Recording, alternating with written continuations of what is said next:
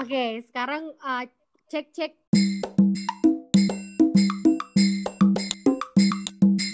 Hai, ini Ismi bersama dua bujang. Gua Dika. Aku Imam. We love to hear inspiring story. Bersama kedua temanku, kami akan mengulik beragam kisah menginspirasi dari anak muda Indonesia, mulai dari sudut Pulau Aceh hingga ujung timur negeri ini. Untuk terhubung dengan para pemilik kisah, Hai Dika, hai Imam. Hai Halo, Ismi. Ismi. apa kabar Ismi? Baik, wah seneng Kita banget ketemu bisa terakhir ketemu lagi di November sini. ya? Iya Novel tahun lalu Iya. di nikahan Iya. teman kita gitu kan ya? Iya, Betul, di 2019. Semarang. Ingat gak sih? Betul. Ingat dong. Sekarang sekarang kita ketemu lagi tapi virtual ya. Ya Asli. sementara virtual dulu ya. Sementara dulu. But we Sementara love to visit virtual. you ini. We know you are you're going to have a big event Oh, coming. Februari Yes. 2021. Yes, don't Oh. forget. You have to come. Iya iya kita masih datang kita masih datang. Membahas topik-topik yang relate dengan anak muda.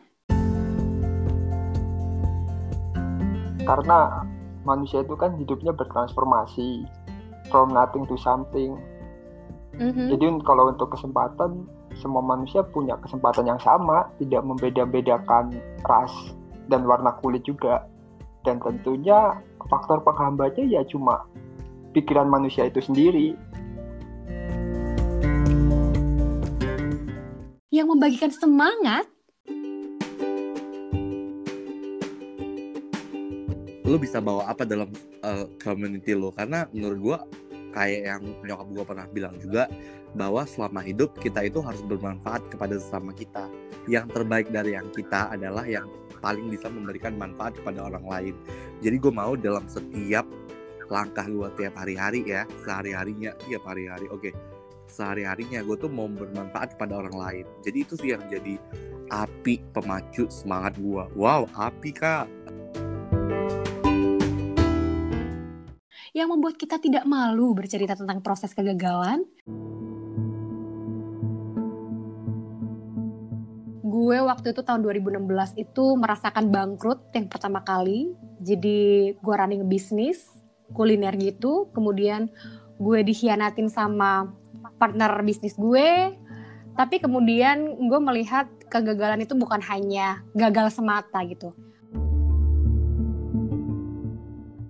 Serta tentunya berbagi kisah tentang keberhasilan.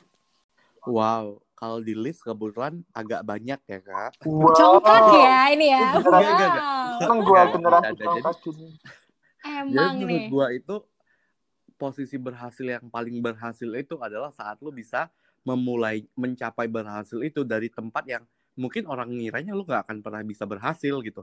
Jadi in uh, as a context gue tuh pernah punya NDE gitu, near that experience gitu. Uh, gue nggak bisa jalan, gue nggak bisa melihat, gue hampir ya hampir kembali kepada asal Tuhan. gua kepada Tuhan gitu.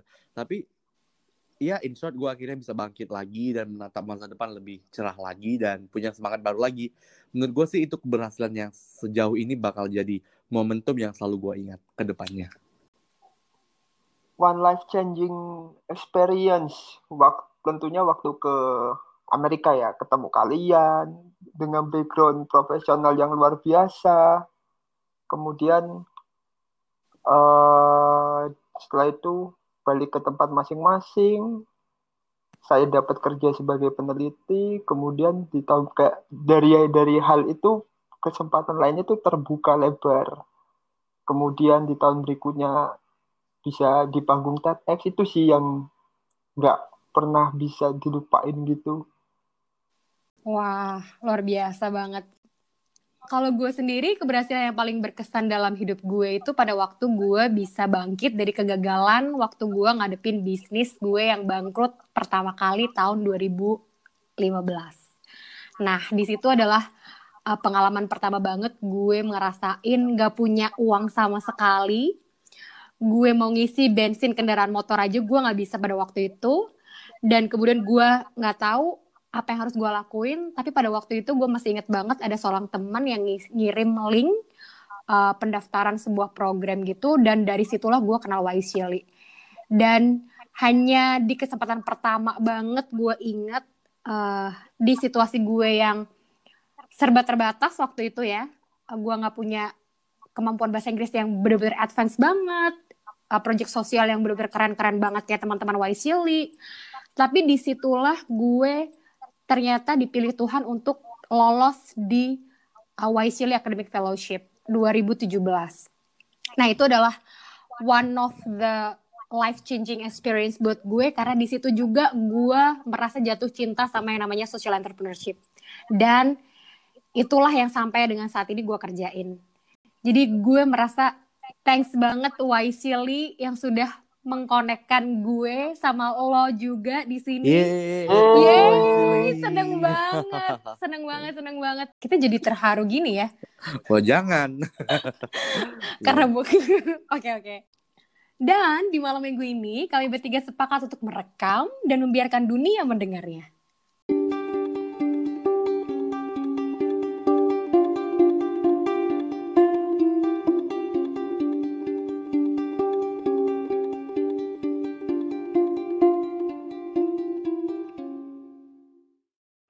Berbincang dengan sosok yang menginspirasi kami, menumbuhkan apa ya semangat ya bahwa gagal itu biasa, perjuangan itu adalah sesuatu hal yang harus kita lakukan. Iya nggak sih guys? Iya, Iya, jadi kalau sekarang tuh orang pada takut kena virus, tapi kita tuh mau nyebarin virus, virus Bener. semangat dan Virus. inspirasi. Betul, betul Aduh. banget. I do agree. Yang mungkin sebagian dari kalian bukanlah sosok yang asing. Kami akan berbagi cerita dengan leluasa.